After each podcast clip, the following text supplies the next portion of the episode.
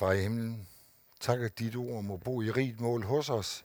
Far, åbn vores hjerter for det i dit navn. Amen. Vi er kommet til den del af kirkeåret, vi kalder epifanitiden. Det er en periode, som er lidt forskellig af længde, fordi den falder alt efter, hvornår påsken den indtræffer.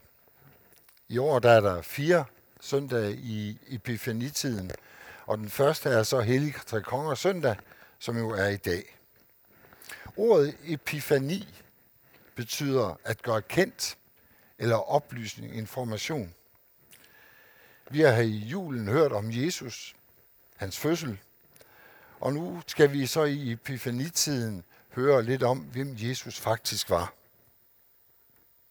Der står, at han voksede i visdom og vækst og yndest hos Gud og mennesker.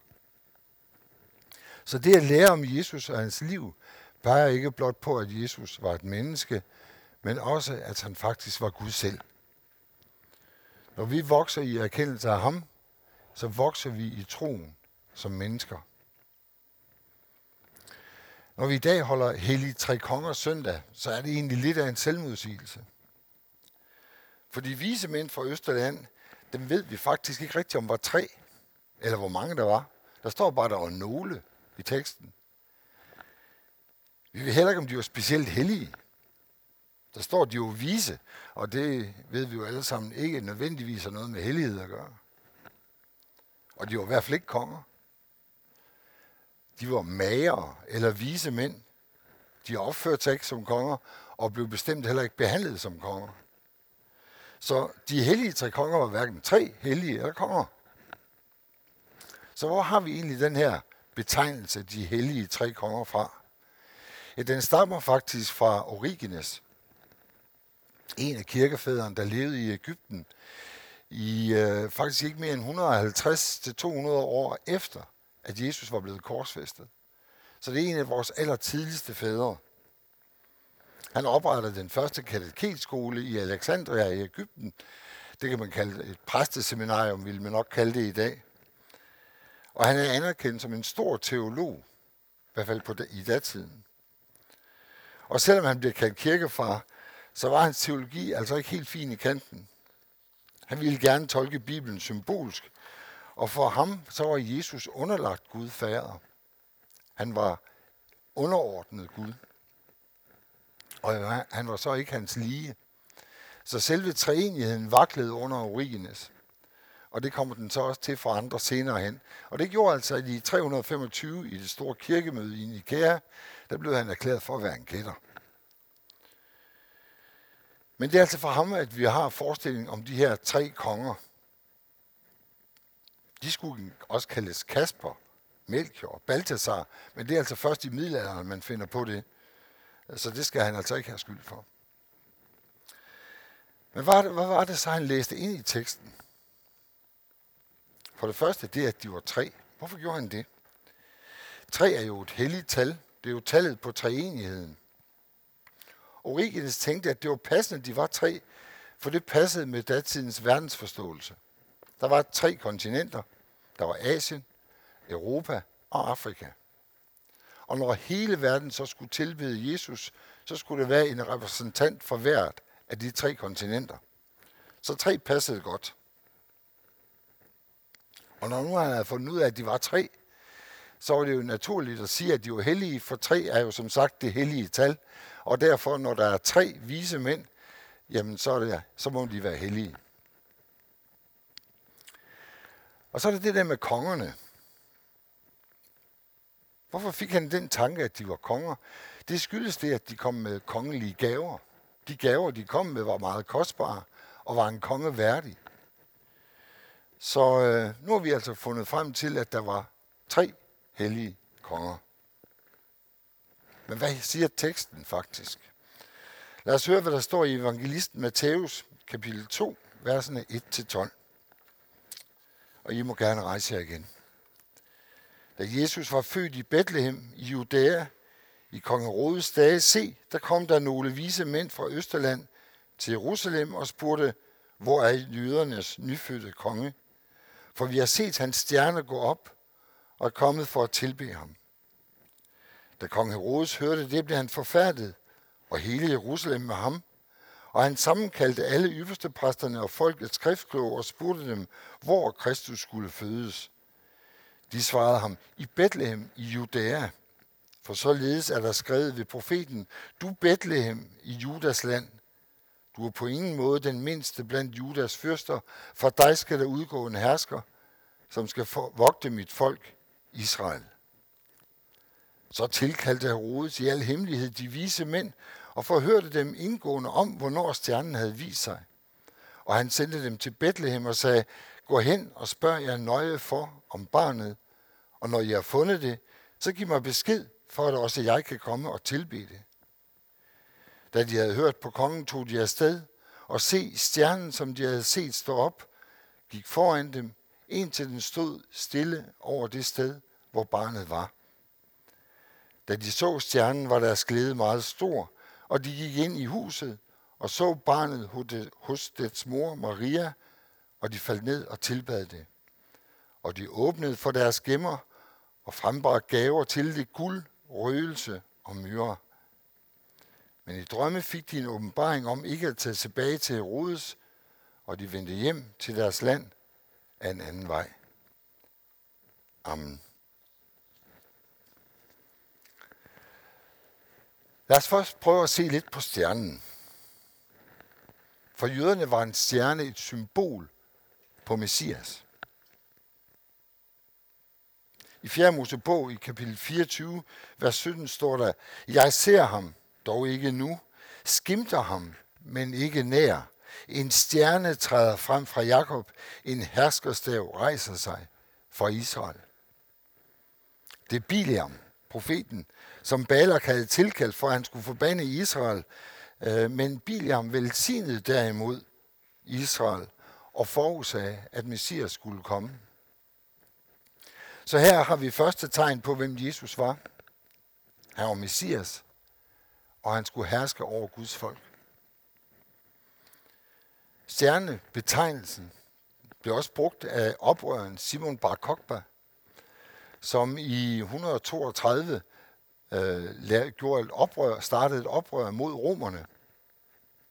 Hans navn, Bar Kokhba, betød stjernesønnen, for han anså sig selv for at være en messias, som skulle lede folket.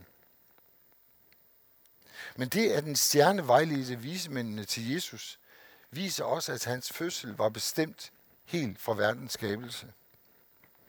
Solsystemer, galakser, de går i ganske bestemte baner.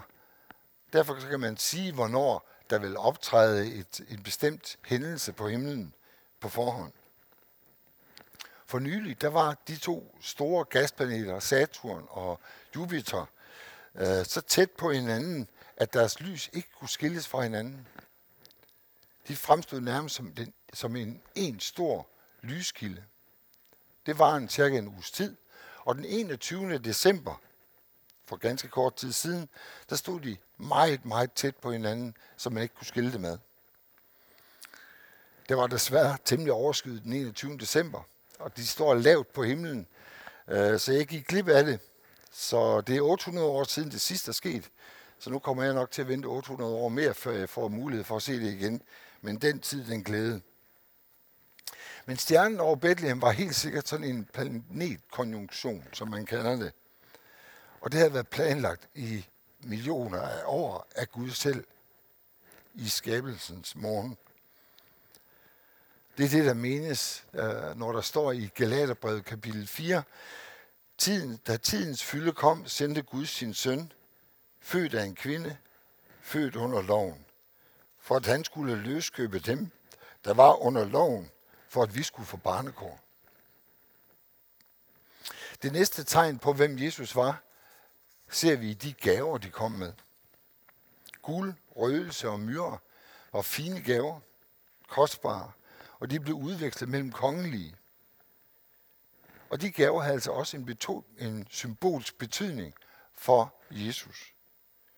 Gud var kongemetal og viste, at Jesus var himlens kongesøn, eller den konge, den messias, som jøderne ventede på. Røgelse blev brugt i ritualer som tegn på, at menneskers bønder og offer steg op til Gud. De var tegn på, at Jesus var Guds søn og værdig tilbedelse.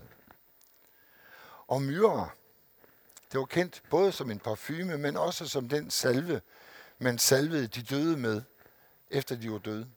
Når de blev lagt i graven, blev de smurt ind i den her velduftende salve. Men det, at de knytter Jesu fødsel til hans død, siger også noget om, at det var lidelse og død, der ventede Jesus. Så vismændenes tilbedelse af det lille Jesusbarn betød altså for det første, at Jesus var Guds udsendte messias. Altså et menneske, som skulle frelse ikke bare Guds folk, jøderne, men alle mennesker. For det andet, Jesus modtog det offer. Og det siger altså, at han var Gud selv i menneskeskikkelse. Så her ser vi Jesu dobbelte natur. Og så sagde han altså også, at Jesus blev salvet til døden. I modsætning til mange jøders forventninger, så var Jesus ikke deres befrier fra undertrykkelse af romerne. Han var ikke deres konge i hverken politisk eller militær henseende. Han er alles konge i åndelig henseende. Og derfor ønsker han at frelse alle mennesker. Og derfor skal vi være hans hænder og fødder i verden, nu når han er taget tilbage til himlen. Jesus kom til os i svaghed. Det er en svaghed, vi alle kan forstå.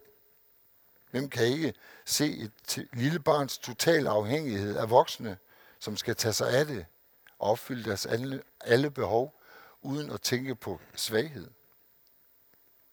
Og derfor skal Guds svaghed også være vores svaghed.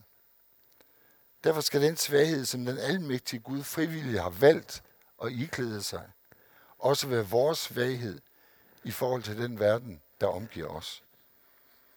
Hvis vi, hvis vi forsøger at være Guds efterfølger i magtens navn, med magtens midler, så vil vi uundgåeligt ende med at tjene magtens herre, denne verdens fyrste, og ikke Gud. Vi må gå i hans fodspor, i tjeneste for de svage i verden, i lydighed mod hans kald og i ydmyghed over for den opgave, der er pålagt os. Barnet i krybben er kaldet til os om at vokse i tjeneste for den Gud, som har al magt og ikke bruger den. Han bruger ikke hans magt til at tvinge nogen til tro, men han lader bort omsorgen og handlingen vise, hvem han selv er. Det taler til de bange og de utrygge. Det taler til de stærke og selvsikre. Det taler til de mennesker, som vi omgiver os med. Taler om hans uendelige kærlighed til hans skabninger. Jeg sagde til indledningen, at lyset ikke er stjernens lys, men lyset er Jesus. For mange år siden var jeg på Grønland. Var der et par år. Og en, øh, en vinternat besluttede min assistent og jeg, og min lille dreng Morten, at vi ville tage ud i en hytte langt ude i fjellet med hundeslæde. Og så ville vi overnatte der, og så ville vi tage tilbage igen. Man har ikke så meget at give sig til på Grønland. Så, så det var så det, vi valgte at gøre. Så vi læssede vores hundeslæde, og vi spændte 10 hunde foran, og så kørte vi ud i fjellet. Vi kunne bare ikke finde hytten. Vi ledte, og, og vi havde fået at vide på et kort, der er ikke nogen vej derop, men vi havde fået at vide på et kort, hvor den skulle ligge. Men der, hvor vi kom hen, der var den faktisk ikke. Så vi var nødt til at vende om. Og da vi vendte om, øh, begyndte der at blive mørkt. Der var langt. Og der blev helt mørkt, og der kom snestorm. Og vi anede ikke, hvor vi var. Vi kunne ikke se nogen ting. Vi kunne ikke mærke andet end de her 25 graders frost, der altså var omkring os. Og vi kørte, og hundene løb, fordi hundene, de, har, de vil godt vurdere hende. De har et godt instinkt. Og vi kørte der, og jeg må indrømme, jeg var bange. Jeg var bange for, at det blev min sidste slædetur. Og den fornemmelse, da vi så nærmer os Asiat, hvor vi boede, og ser telemasten og dens lys op på toppen, for øje på det lys, det gav mig en følelse af øh, fred og frelse. Vi var i far for at miste vores liv, faktisk. Så mange danskere, der kommer til Grønland, de opfører sig dumt. Det gjorde vi også den dag. Men det, at jeg så lyset, så vidste vi, vi er i sikkerhed. Ikke fordi lyset i sig selv gav os noget. Det var en stor, frygtelig stor pære, der sad oven på en høj mast. Men jeg vidste, at der var der frelse. Og på samme måde, når vi ser lyset over Bethlehem skinne, så ved vi, at det ikke er lyset selv, men det er der, hvor lyset leder os hen. Og det er så vigtigt, at vi lader os lede af det lys. At vi lader os lede hen imod den frelser, som har al kærlighed, al omsorg til hver eneste menneske på jorden. Lad os være redskaber i hans hænder, så vi kan brede det budskab ud i en utryg tid. I en tid med corona, en tid med, med arbejdsløshed, en tid med oprør mange steder i verden, med flygtninge og med sult. Så lad os bringe den kærlighed, som Gud har vist os, ved at jo, han lod Jesus føde ud til alle mennesker. Gud giver os noget til det. Amen. Skal vi bede sammen? Lov, tak og evig ære være dig, vor Gud, Far, Søn og Helligånd. Du som var, er og bliver en sand Gud, højlovet fra første begyndelse, nu og i al evighed. Far i himlen, vi takker dig for al din godhed. Vi takker dig for, at du har lavet en stjerne lede de vise mænd på vejen til Jesus. Vær du også en ledestjerne for os til et bedre liv, hvor vi deler al den overflod, du har skænket os med dem, der ikke har nok til dagen og vejen. Lær os at give uden forbehold, og at tage os af vores brødre og søstre i nød, uanset om de deler vores tro eller ej. Herre, vi beder dig være vor konge. Lad os få lov til at efterfølge dig i din tjeneste for mennesker, i de vilkår, vi end måtte leve under. Vi takker dig for fred i vort land. Takker dig for frihed til at samles til gudstjeneste og for at kunne tjene samfundet med alt det, du har givet os. Men vi beder dig også, lægge denne tid blive en fristelse for os til at blive malige og glemme, at du kæmpede og stred mod ondskaben og dæmonerne i din tid, ligesom vi også må gøre det i vor. Vi beder dig for vort land, for dronning Margrethe og hele hendes familie, for Folketinget, regeringen, domstolen og politiet, og alle, som har magt. Og vi beder dig skænke dem visdom og kærlighed til de mennesker, der er betroet dem. Vi beder dig for de syge, de deprimerede, de angste og de ensomme. Vis os, hvor vi kan tjene og trøste og bruge alle de gode gaver, du har givet os til gavn for vores næste. Vi beder dig for vores kirke, for alle i steder i verden, hvor dit folk samles til lovprisning og bøn. Velsign og beskyt vores missionærer, som forkynder dit ord i andre lande. Herre, bevar os alle hos dig, og lad os samles i dit rige, når du nyskaber himmel og jord. Og indtil da, der beder vi, Gud, kom og hjælp os hver og en, som lammet er af livet, og rejs os op på troens ben med nåden, du har givet. Du dømte med retfærdighed, men gav din søn i vores sted som frelser og forsoner. Amen.